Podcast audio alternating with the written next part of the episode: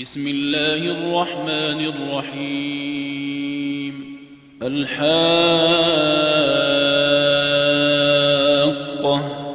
ما الحاقة؟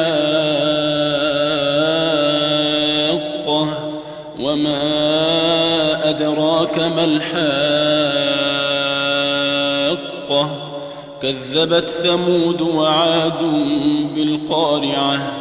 فأما ثمود فأهلكوا بالطاغية وأما عاد فأهلكوا بريح صرصر عاتية سخرها عليهم سبع ليال وثمانية أيام حسوما فترى القوم فيها صرعا كأنهم أعجاز نخل خاوية فهل ترى لهم من باقية؟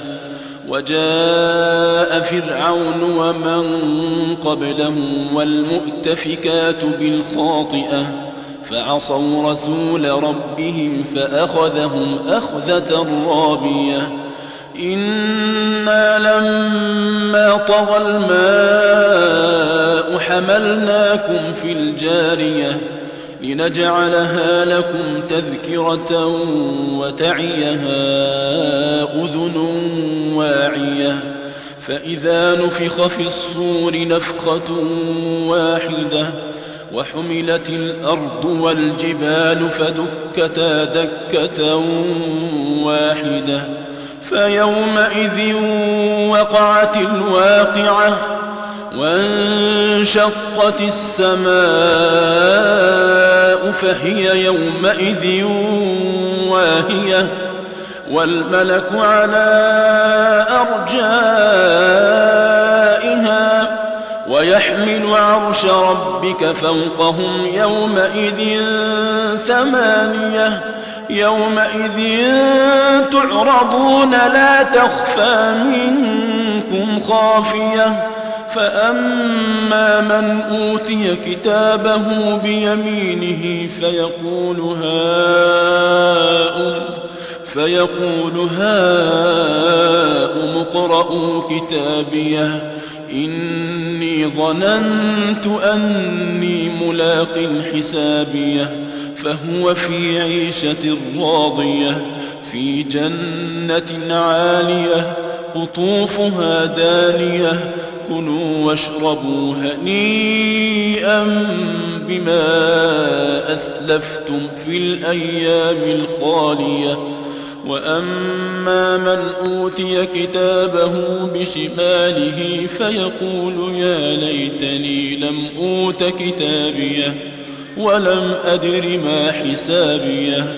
يا ليتها كانت القاضية ما أغنى عني مالية هلك عني سلطانية. خذوه فغلوه ثم الجحيم صلوه.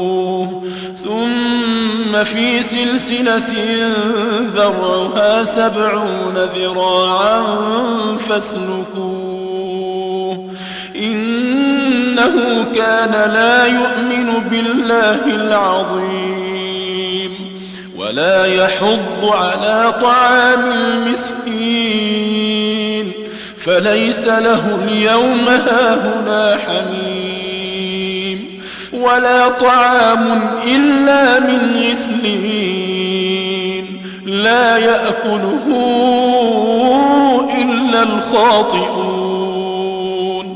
فلا أقسم بما تبصرون وما لا تبصرون إنه لقول رسول كريم وما هو بقول شاعر قليلا ما تؤمنون ولا بقول كاهن قليلا ما تذكرون تنزيل من رب العالمين ولو تقول علينا بعض الأقاويل لأخذنا منه باليمين ثم لقطعنا منه الوتين فما منكم من أحد عنه حاجزين وإنه لتذكرة للمتقين